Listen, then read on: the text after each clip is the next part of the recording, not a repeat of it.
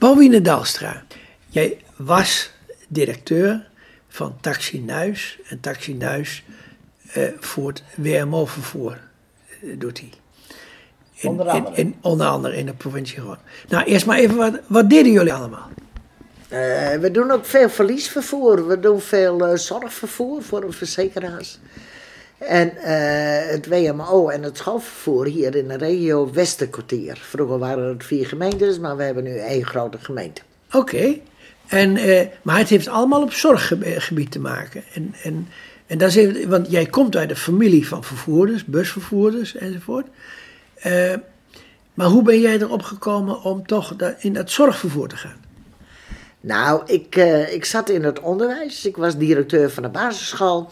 En toen kreeg ik de mogelijkheid van mijn ouders om het bedrijf over te nemen.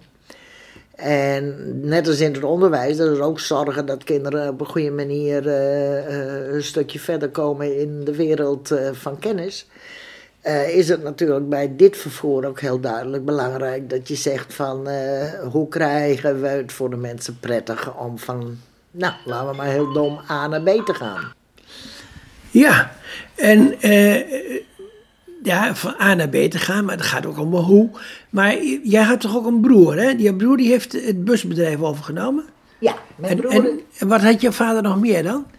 Uh, mijn ouders hadden busbedrijf, uh, ambulancebedrijf, zowel in Sruisterveen als hier in Nuis. En we hebben dus jaren het ambulancevervoer hier in de regio ook mogen verzorgen. Maar dat is door de regering toegezegd, jongens, dat moet in een stichting. En dat is de RAV Groningen geworden en daar hebben wij het bedrijf ingebracht. Maar dat betekent dat jullie al, al, al decennia lang in het zorgvervoer zitten? Ja, dat is uh, ons met de paplepel ingegoten. Uh, of gegeven, sorry. uh, dat je gewoon zorg probeert te hebben voor de mensen om je heen. En jouw broer die heeft, die heeft het busbedrijf overgenomen? Ja. Dat, dat was vooral reizen, hè, geloof ik? Ja, mijn broer doet uh, heel veel uh, dagtripjes ook, maar ook vooral reizen naar het buitenland. Hij heeft een hele eigen programma. hele vaste klantenkring die nu ook nou, geregeld naar bloemen sturen enzovoort. Want ja, hij is wel failliet gegaan. Maar ze zijn wel bezig met een doorstart. Maar ja, gezien de huidige tijd is dat nog heel lastig. En, en jij hebt het gedeelte van de zorgvervoer overgenomen? Ja, wij hebben de taxibedrijven en toen de tijd de ambulance uh, hier overgenomen. En daar, uh, dat hebben we uitgebouwd. Want ja, als je het WMO-vervoer wilt doen in een regio, moet je toch wel een bepaald volume hebben. Maar de, uh, taxivervoer is er niet meer? Ik bedoel, de taxi voor de zieke, ziekenautovervoer. De ziekenauto, dat is eigenlijk het ziekenvervoer. maar de ziekenauto, hoe jij het misschien bedoelt, is de ambulance. Ambulance, ja? Ja, de ambulance is overgegaan naar de stichting RAV Groningen. Oké, okay. en, en wat er overgebleven is, is dus vervoer voor uh, schoolkinderen, voor uh, uh, mensen, mensen, WMO, ja? Ja, valies doen we veel en dus echt voor de zorgverzekeraars naar de ziekenhuizen vervoer. Ja, en valies is eigenlijk het vervoer op wat langere afstand. Ja, het overstijgende vervoer noemen wij het. Dat is boven de 25 kilometer. Uh, je hebt een WMO-pas, dan kan je dus een verliespas aanvragen. En dan kan je ook eens een keer je zoon in Utrecht bezoeken, bijvoorbeeld. Ja, precies. Um, maar nu, wat maakt nou het verschil uit van een gewoon taxibedrijf en een WMO-taxibedrijf? Nou, heel simpel misschien, zorg voor elkaar. Zowel zorg voor je personeel, maar ook zorg voor je klanten, zorg voor goed vervoer, laat ik het zo zeggen.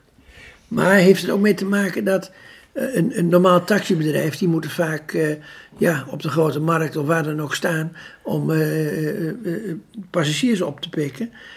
Terwijl heb je namelijk in het WMO-vervoer wat meer constant werk. Nou, kijk, als je op een grote markt staat, dan moet je wel een bepaalde mentaliteit voor hebben. En daar zijn wij niet echt heel geschikt voor. Ik zeg ook altijd tegen iedereen: we hebben niks te zoeken in Groningen. Er zijn genoeg andere taxibedrijven. Wat wij belangrijk vinden is dat wij voor de klanten proberen zo goed mogelijk vervoer. Maar bij ons gaat ook wel eens iets van. Dus Je probeert het eh 100%, maar dat is altijd een hele hoge lat. Maar daar doen we wel ons best voor, omdat wij proberen het echt met elkaar te doen. Ja, ja goed, een, taxibedrijf moet, eh, moet het dan hebben van, van nou, incidenteel vervoer. Die, die heeft niet, al, niet altijd druk. Eh, maar dan komt het wel op aan dat je, eh, eh, met name bij, met het WMO-vervoer, eh, dat je goed moet kunnen plannen. En goed moet kunnen weten van wanneer het druk gaat worden of niet. Nou, die planning is natuurlijk heel belangrijk en die zit hier dus binnen. En die jongens die doen hun uiterste best. Maar ja, als je dus gewoon een, een stuk vervoer allemaal op dezelfde tijd krijgt, ja, dan zitten wij ook wel eens klem. Maar je probeert het zo goed mogelijk te doen. Maar plan jij nou ook al eh, van tevoren, weet je bijvoorbeeld van Koninginnedag, dan krijgen we zoveel eh, eh, aan klanten of met bepaalde festi- festiviteiten gaat dit gebeuren? Nou, je, je kent waarschijnlijk het verhaal van kerst wel. Eerste Nee. kerstdag is, is dus de drukste dag van, van het vervoer. En vooral door het verliesvervoer. Eh, dan moet je ook vaak eerder bestellen. En dan proberen wij dat zo goed mogelijk met mijn collega's die het verliesvervoer doen, het zo goed mogelijk eh, te regelen met elkaar. En soms heb je een verzoek van, zou je een uurtje eerder of later eh, willen kunnen? Ja, ja, maar goed, maar dat is in het gesprek met, met de klanten om het, om het zo goed mogelijk, om zo effectief mogelijk te gaan werken. Maar ik kan me voorstellen dat je,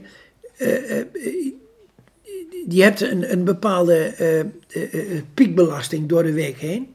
Ja, dat zal altijd een bepaalde zelfde patroon hebben. Maar er zijn natuurlijk altijd uitzonderingen. En Ja, piek, piekbelasting is altijd lastig. En je probeert zoveel mogelijk die piekbelasting toch een beetje te spreiden, maar dat lukt niet. Je hebt gewoon twee pieken op een dag. En eh, daar probeer je zo goed mogelijk mee om te gaan. Maar je moet natuurlijk ook je bezetting, eh, dat je zegt van jongens, we kunnen die piek opvangen en eh, een beetje afvlakken misschien. Eh, maar er zit een grens op. natuurlijk. Ja. En, en, maar, het- maar het lukt wel om over het algemeen gewoon eh, op tijd te rijden. Dat, dat is de intentie hier. En wij zitten op 98%, dus dan eh, doen we dat aardig netjes, lijkt mij. Oké. En nu even over de. eh, eh, wat moet een chauffeur in zijn mars hebben om het WMO-vervoer goed te kunnen doen? Nou, ten eerste moet hij in zijn mars hebben dat hij eh, op een keurige, nette, warme manier met klanten omgaat. Ja? Lijkt mij. Ja? Ja. En ja, je moet wel eens drie keer slikken, want de klant is ook niet altijd even makkelijk. Eh, dus je moet klantvriendelijk zijn. En je moet wat kunnen incasseren. Maar kijk, als jij eh, een bedrijf bent wat toch probeert op tijd te rijden, dan heb je, heb je ook vaak klanten die veel vriendelijker zijn. Als je altijd te laat komt, dan gaan de klanten ook eh, niet lekker met jou om. Dus het is een wisselwerking waarvan de planning dus de spil is. Hè? De planning die moet zorgen dat de chauffeur zijn werk goed kan doen. Eh, natuurlijk. Eh, maar dat is het hele spel. eh, eh, eh, want als taxibedrijf. eh, jouw verdiensten die, komen pas als je echt goed kunt combineren. Ja, maar ja, dat is nu niet aan de, aan de orde. Want nu In, in de coronatijd. Ach. Ja, dat is, eh, is een ramp. Maar dat- ja, je probeert het zo goed mogelijk te manoeuvreren. Maar ja, als je echt wat wilt wat verdienen, dan moet je eigenlijk wel wat kunnen combineren. En dat zie je, dat aanbod is lang niet op het niveau van voor de corona. En eh, nou ja, het is, het is gewoon een moeilijke tijd op dit moment voor iedereen, denk ik. Maar nog even terug weer over die, over die chauffeur. Wa- wa- wa- Want eh, eh, je moet als chauffeur moet je vriendelijk zijn. En je moet namelijk hulpvaardig zijn. Maar ook weer niet te veel. Nee, dat is dat aanvoelen van wat wil de klant. En dat kan de een, eh, dat wil ik ook wel eh, zeggen, van de een kan dat beter aanvoelen als de andere. En eh, nou, iemand die daarmee worstelt of iemand waar we klachten over krijgen, dan hebben we daar een gesprek mee en proberen we dat te helpen van hoe dat beter zou kunnen. Ja, ik hoorde de laatste keer dat iemand, zei een chauffeur tegen mij van... eh, eh, eh, ja, u, u moet gewoon bij de gegevens laten zetten dat u, dat u slechtziend bent. En ik heb een beetje het idee van, nou, ik hoef niet overal bekend te staan als slechtziende. Uh, uh, want dan zegt die chauffeur van, ja, dan weten wij wat we moeten doen. Ja, en dan, dan zeg ik van, niet elke slechtziende is, moet je op dezelfde manier behandelen. Dus ik, ik vraag me af of dat wel zo gunstig is om dat erbij te zetten. Ja, dat is in ieder geval bespreekbaar. Als jij dat niet prettig vindt, moet je dat niet doen. Uh, van de andere kant, uh, als jij zegt, jongens, ik wil toch wel graag wat extra hulp, kan je er ook bij zetten van, jongens, uh, even een extra armpje geven.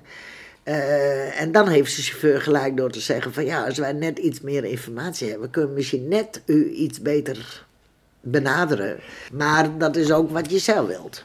Ja, maar dan zeg je iets, iets je hoeft niet het, het euvel wat, wat de klant heeft, hoef je te vermelden, maar welke hulp hij wil hebben. Dus bijvoorbeeld van eh, graag vanaf de deur eh, ophalen. Of, eh, en, en niet, je hoeft niet te staan van blind, maar wel bijvoorbeeld van tot de buurt deur brengen. Ja, dat is een hele mooie. Die zou je in, in de aanbesteding moeten aanbrengen. Want nu is het zo dat dat in de aanbesteding veel staat op tijd uh, enzovoort enzovoort. Maar de hulpverlening staat niet in de aanbesteding. Dus dat is dan wel eens een pakje aan voor jullie om daar wat meer uh, aandacht aan te besteden. Oké, nou vertel maar eens even wat meer. Waar, waar, waar, waar doe je dan uh, eigenlijk op? Nou, ik doe erop dat, kijk, de doelgroep die wij vervoeren, zien wij ook dat die steeds meer hulp nodig heeft. Dat was tien jaar terug anders. En nou, een, een Eigenlijk heeft haast onze doelgroep allemaal een rollator. Dat was tien jaar terug anders. Uh, de doelgroep die moet eigenlijk naar de deur gebracht worden en zorgen dat de sleutel in het slot zit. Daar heeft hij hulp voor nodig. Uh, dat was tien jaar terug anders. Uh, en in de aanbesteding staat er alleen voor heel extreme gevallen van deur tot deur vervoer. Maar het meeste is dat jij gewoon bij de straten mensen oppikt. Maar dat werkt niet. Hoe verklaar je dat? Nou, dat zien we. Voordat jij een WMO-pas krijgt in deze tijd, dan moet je al aardig ingeleverd hebben in, uh, in de mogelijkheden. Ja, ja dus, dus de, de criteria om een WMO-pas te krijgen, die zijn veel strenger geworden. Ja, heel duidelijk. Ja hoor. Ja. En ik bedoel, als ik zo hier, want ik had laatst een rollator, die uh, zouden wij uh, kapot hebben gemaakt.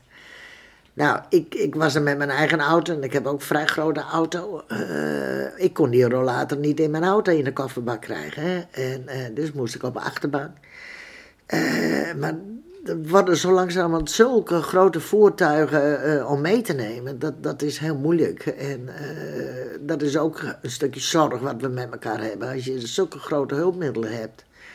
Ja, dan kan je haast niet meer in een taxi. Dan moet je in de bus heb je vrachtwagen nodig om de hulpmiddelen mee te nemen. Kijk, kijk, hele mooie van je. ja, ja, ja. Maar waar denk je dat het naartoe gaat met het WMO-vervoer? Want uh, uh, gemeentes die gaan steeds meer bezuinigen. Ze gaan namelijk op de uh, aantal kilometers wat je mag rijden, gaan, gaan ze beperken. dus waar we het net al over hebben gehad, over de, wanneer je een pas krijgt, dat wordt al moeilijker. Ja, kijk, er is een hele trend ingezet dat mensen langer thuis uh, uh, kunnen blijven wonen. En daar is een stukje vervoer bij. Maar wij zien bij heel veel uh, situaties dat vervoer altijd een sluitpost is. Dat zien we bij het schoolvervoer, scholen die altijd vergeten dat er ook nog vervoer is. We zien dat bij het ziekenvervoer. Oh ja, die dialyse moet ook nog gebracht en gehaald worden. En dan is vervoer een sluitpost.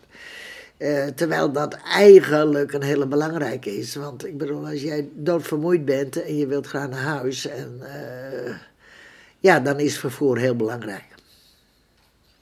Ja, en dat is misschien wel uh, een, een, punt waarop we het heel mooi kunnen afsluiten. Vervoer is belangrijk. Ik dank je voor het interview.